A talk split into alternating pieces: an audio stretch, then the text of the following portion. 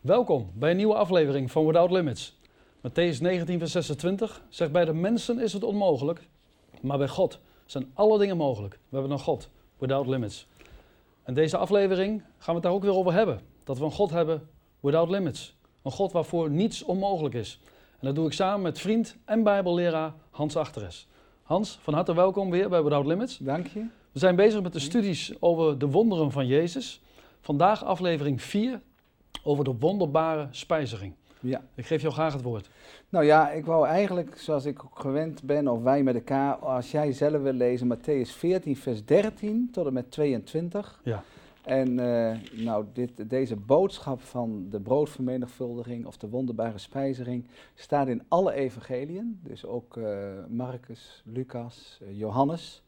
Dus dat heeft een enorme indruk en stempel gezet op alle discipelen. Ja. Nou, als je dat wil lezen, uh, Henk dan graag Matthäus 14, vers 13 tot en met 22. Oké. Okay.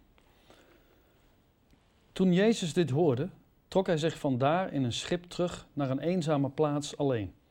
En toen de scharen dit hoorden, volgden zij hem te voet uit de steden.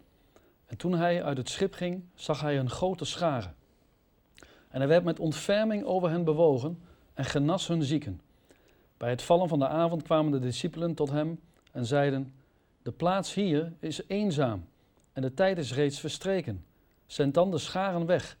Dan kunnen zij naar de dorpen gaan om spijzen voor zich te kopen. Maar Jezus zeide tot hen: Zij behoeven niet weg te gaan, geeft gij hun te eten.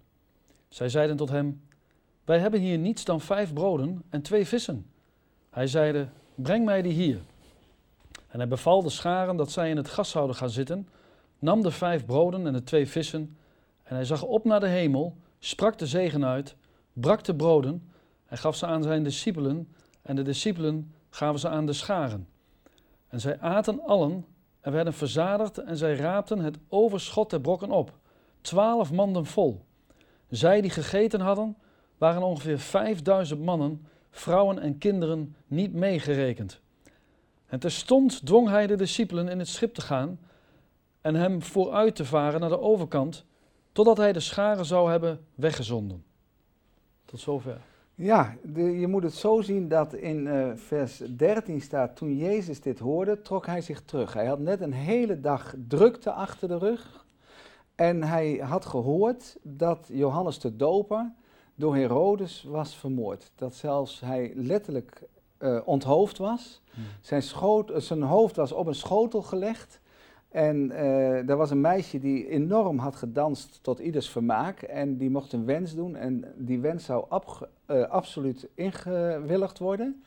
En toen heeft de moeder haar ingefluisterd het hoofd van Johannes de Doper. Ja. Nou, Johannes de Doper was een neef van Jezus. Hij was de voorloper, hij was de aankondiger, hij was, om het zo uit te drukken, de vriend van Jezus. Jezus werd door hem gedoopt en dan hoort Jezus aan het eind van een drukke dag dit nieuws, gewoon als mens. Ja. Dan heeft hij behoefte om zich terug te trekken en wil naar de overkant van het meer. En uh, ja, dan gebeurt het volgende. Hij denkt misschien ook zelfs nog aan zijn eigen lijden wat nog komen gaat. Terwijl hij hoort wat er nu met uh, ja, eigenlijk de voorloper is gebeurd. En hij heeft behoefte aan een time-out. Ja. En dan lees je in vers 14, en toen hij uit het schip ging, dus aan de overkant, ging, uh, zag hij een grote schare en hij werd met ontferming over hen bewogen. Ja. Nou, dus hij, je, je zou haar zeggen, alle mensen die, de, die eigenlijk al bijzondere dingen hadden meegemaakt, liepen gewoon langs het meer helemaal om, omdat ze wisten hij gaat naar de overkant.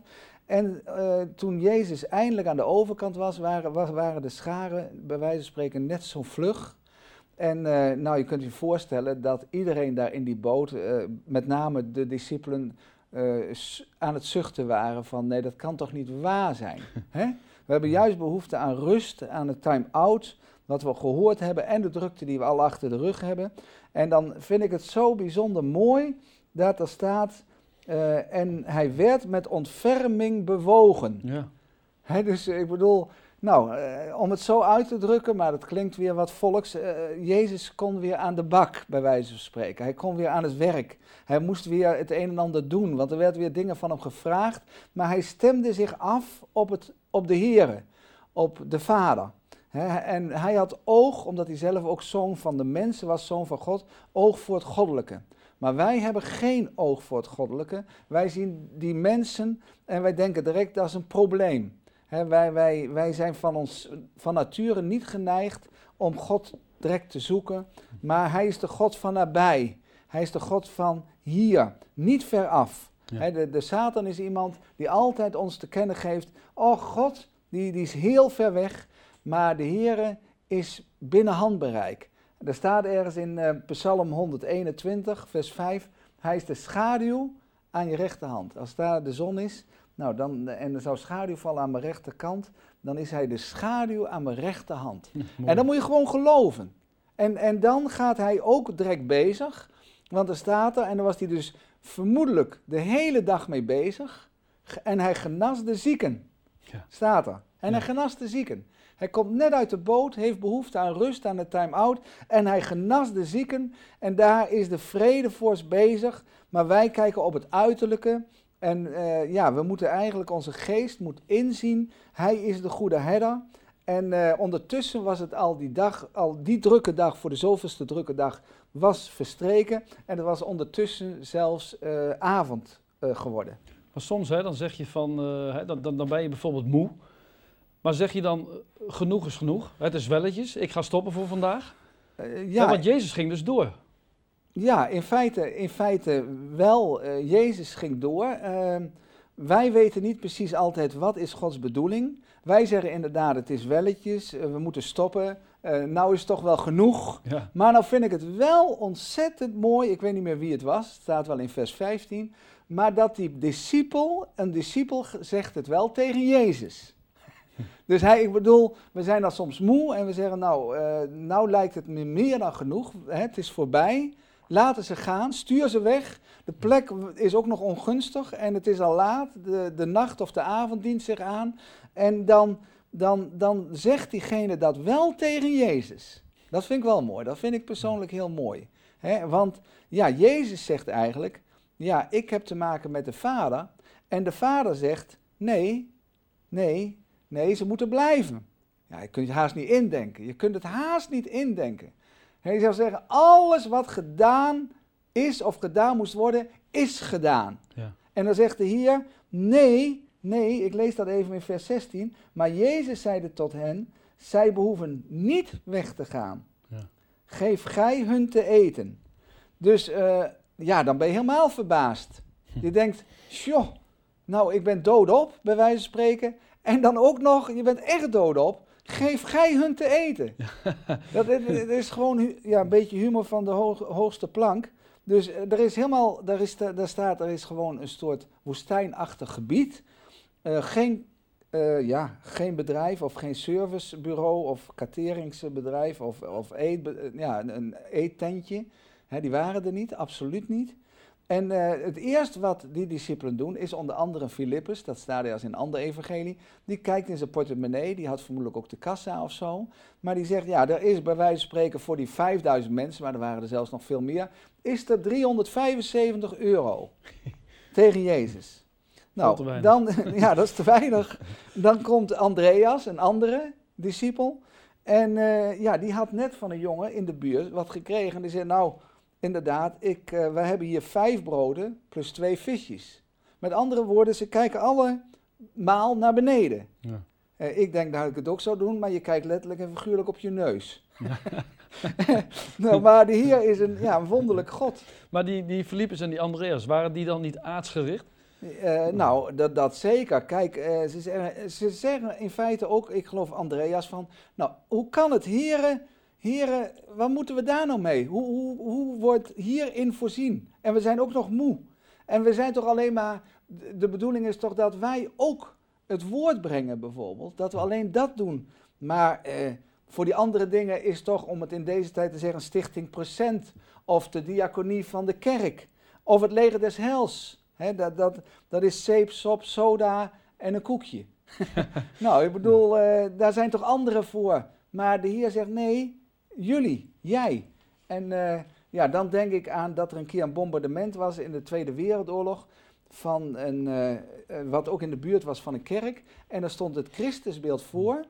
En toen dat bombardement achter de rug was, bleek het dat de handen van het Christusbeeld waren ja, eraf gevallen door het bombardement. Ja. En toen heeft de leiding van die kerk, die gemeente, heeft er duidelijk onder gezet: Gods handen zijn wij. Oh. Gods handen zijn wij. Ja. En Jezus heeft zelf gezegd: zonder mij kunt gij niets doen.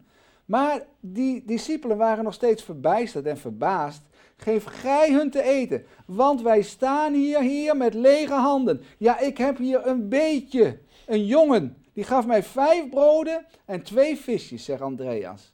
Maar ja, die jongen, dat blijkt dus waardevol te zijn als wij verder over zijn houding nadenken, de daad die dit doet en de betekenis wat het had voor zoveel. Ja, want je, je, je hebt het eigenlijk over, over een jongetje. Hè? Een klein jongetje Ja. wat, wat vijf broden en twee vissen bij zich had. Hè? Dus iets kleins, maar met enorme grote gevolgen. Ja, die, die jongen, dat kan niet anders zoals ik het zie. eh, eh, De discipelen praten met Jezus en Jezus praat met de discipelen. En die jongen is heel dicht bij Jezus zelf. Hm. Hij is vermoedelijk die hele dag al heel dicht bij Jezus. Hij heeft het gehoord.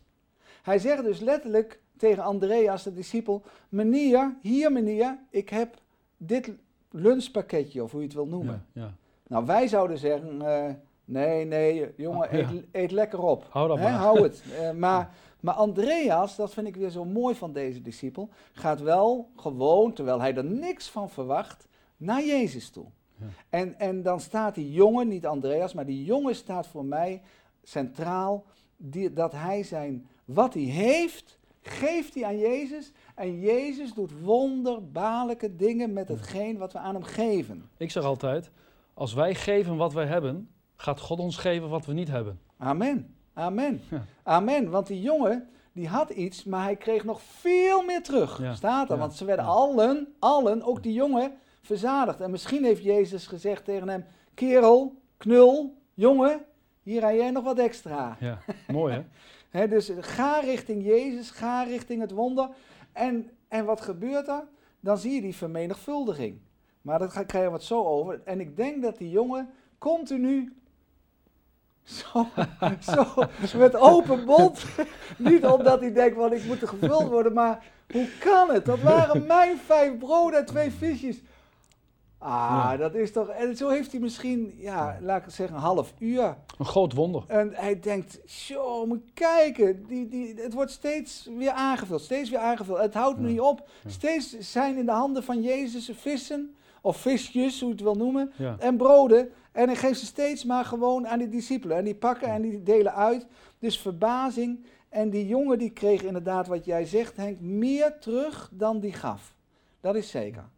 Die jongen is naamloos, maar die daad van hem, die daad is Ja. goddelijk. Ja. Die daad om wat aan Jezus te geven is eeuwig, bij wijze van spreken. Kun je eeuwig genoemd worden.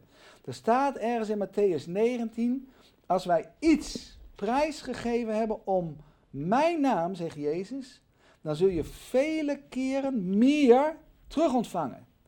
Dus als wij iets aan de Heer geven, ook is het soms moeizaam, ook geeft het strijd, ook denken we, oh hier moeten we dat ook missen, maar we doen het uit liefde voor Hem.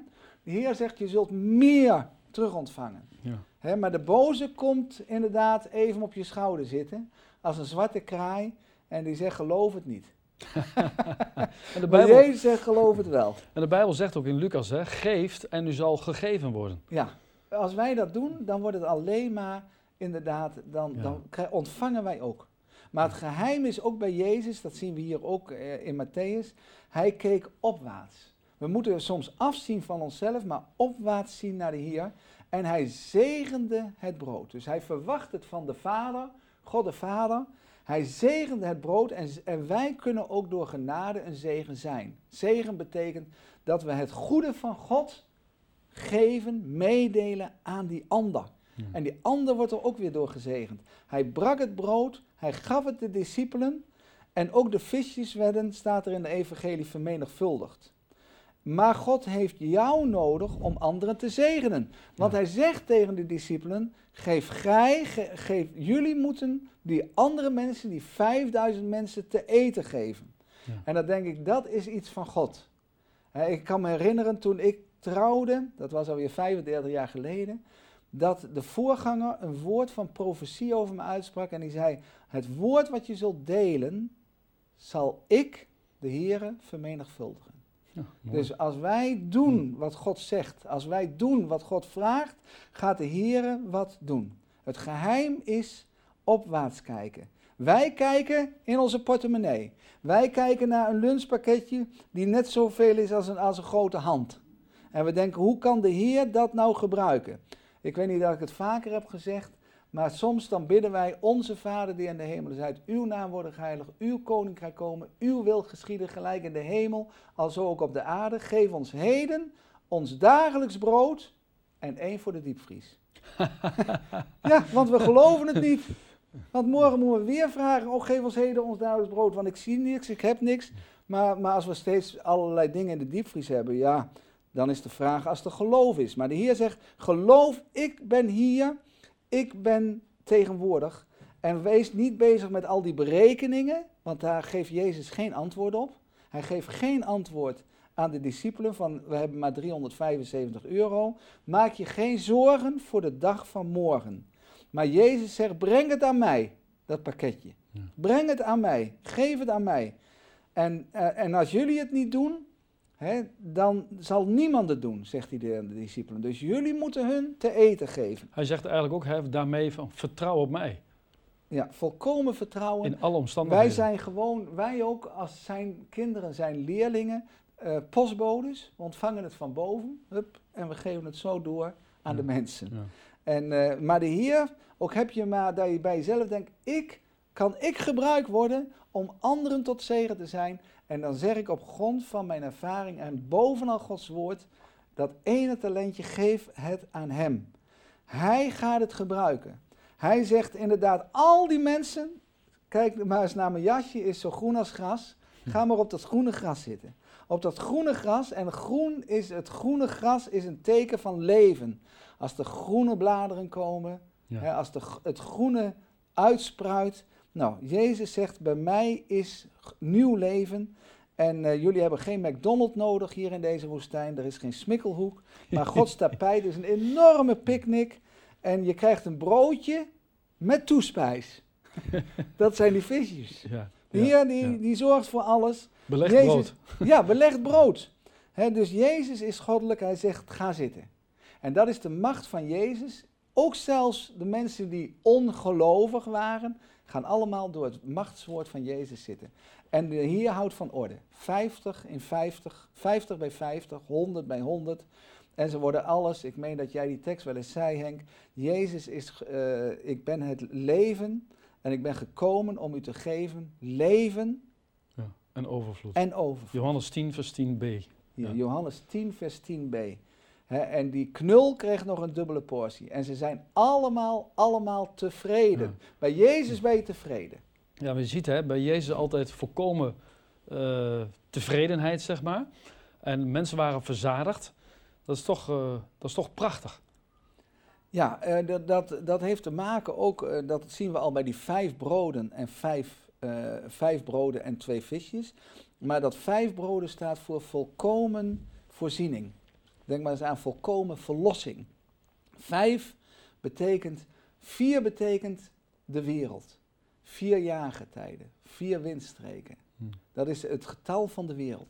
Maar er is één uit die andere wereld gekomen, uit de hemel, naar deze aarde. Ja.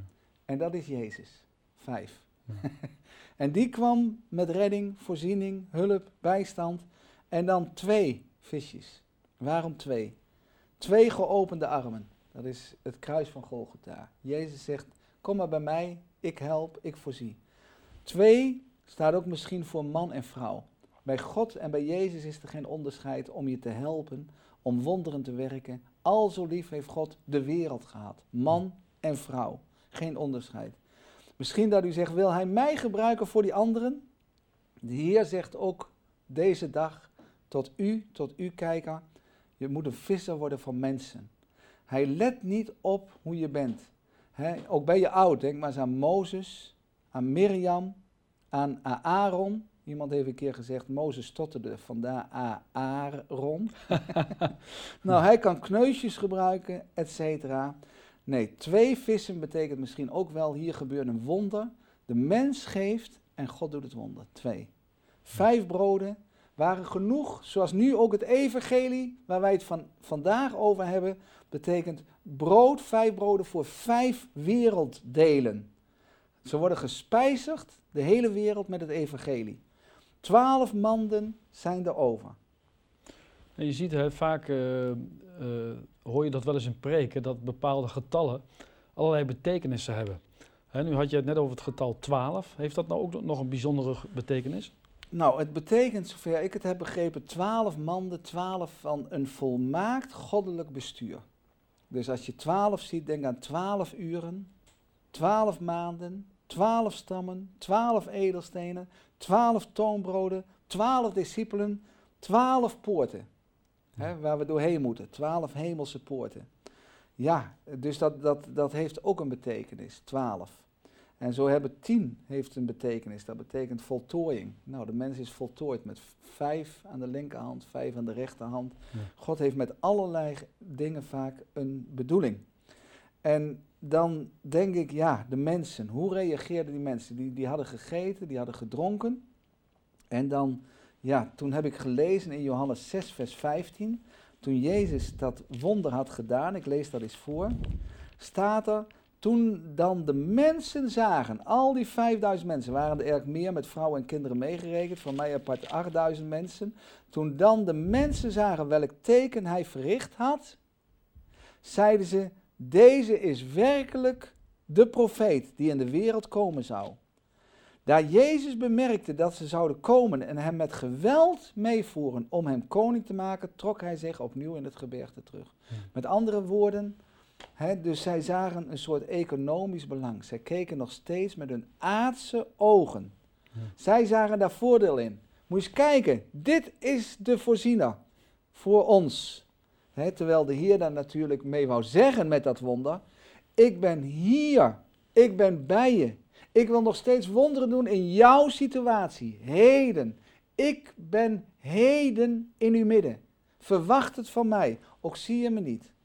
Ja, want je zou toch eigenlijk denken dat zowel van de discipelen als van de mensen hun geestelijke ogen geopend zouden moeten worden na zo'n groot wonder.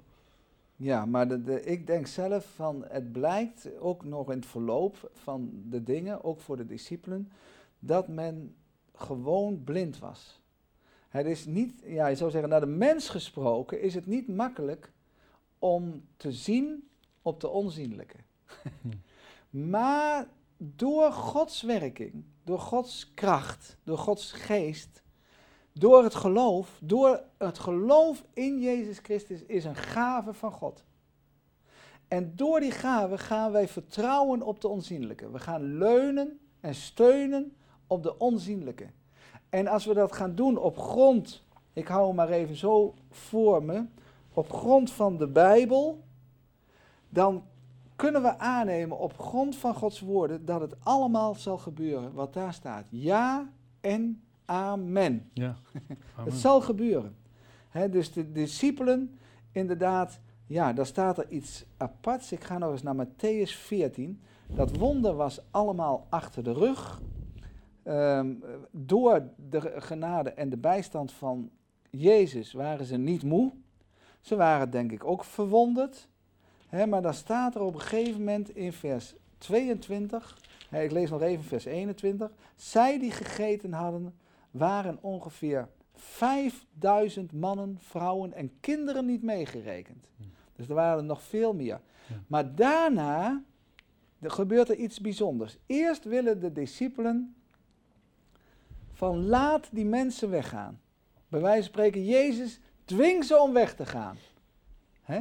En Jezus zegt nee, blijven. Ja. Ik, uh, jullie moeten ze eten geven. Ik zal voorzien, of de Vader zal voorzien, door, door, voorzien door mij heen. Maar nu aan het eind van die bijzondere gebeurtenis staat er en terstond na die, na die gebeurtenis, na dat eten, nadat ze verzadigd zijn, allemaal, en er nog twaalf korven over waren, dwong hij de discipelen in het schip te gaan en hem vooruit te varen naar de overkant, totdat hij de scharen zou hebben weggezonden. Want hij wil die scharen wegzenden, want ze willen hem koning maken. En hij zei, nee, dat is niet de bedoeling. Mhm. Ik hoop dat jullie geestelijke ogen geopend worden. En hier staat dan, en hij dwong de discipelen.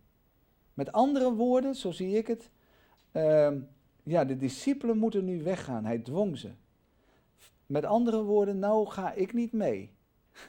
Nou ben ik er niet bij. Nou zie je me niet naar de overkant. In die avond, in die nacht. En inderdaad, in die nacht komt er een storm. In diezelfde nacht. Ja. Huizenhoge golven. Gierende wind. En het angstzweet gaat zich vormen. En ze vergeten het wonder. Ze vergeten Jezus. Ze zijn hopeloos. Ze worden bang. En ze vergeten wat Jezus gezegd had. Want hij zei dat ze naar de overkant zouden gaan. Jezus, als wat Jezus zegt zal gebeuren. Als hij zegt ga naar de overkant, dan zullen ze aan de overkant komen, ook is er tegenwind. Ja. Maar ja, ze krijgen de wind van voren. Letterlijk en figuurlijk. Ze waren nog niet, staat in de Bijbel wat ik zeg, ze waren nog niet, dat staat niet in de Bijbel, ze kregen de wind van voren, maar ze waren nog niet tot het inzicht gekomen. Maar de Heer zegt, leer nou van mij dat ik hier ben, aan je rechterhand, om het zo uit te drukken. Alles is mogelijk, Without limits. without limits. Amen. Nou Hans, hartelijk dank voor deze geweldige uitleg hè, over dit gedeelte, de eerste wonderbare spijziging. Volgende week gaan we aflevering 5 doen. Kun je in het kort in één minuut vertellen waar we het dan over gaan hebben? Ja, dat wordt een heel bijzonder, een genezing van een blinde. En die gebeurt in twee etappes. In twee, inderdaad, onderdelen. In twee stappen. Nou, waarom? De Heer is bij machten om dit te doen en het gebeurt. Ja. Maar hij doet het anders, maar altijd, maar dan ook altijd met een bedoeling, met een betekenis. Daar gaan we het volgende keer over hebben, Henk. Ik ben heel benieuwd. Hans, hartelijk dank voor je kennis en je tijd die je met ons eh, gedeeld hebt. En eh, we zien je graag volgende week bij die bijzondere aflevering van Without Limits met het vijfde wonder wat we gaan behandelen. Amen. Dankjewel.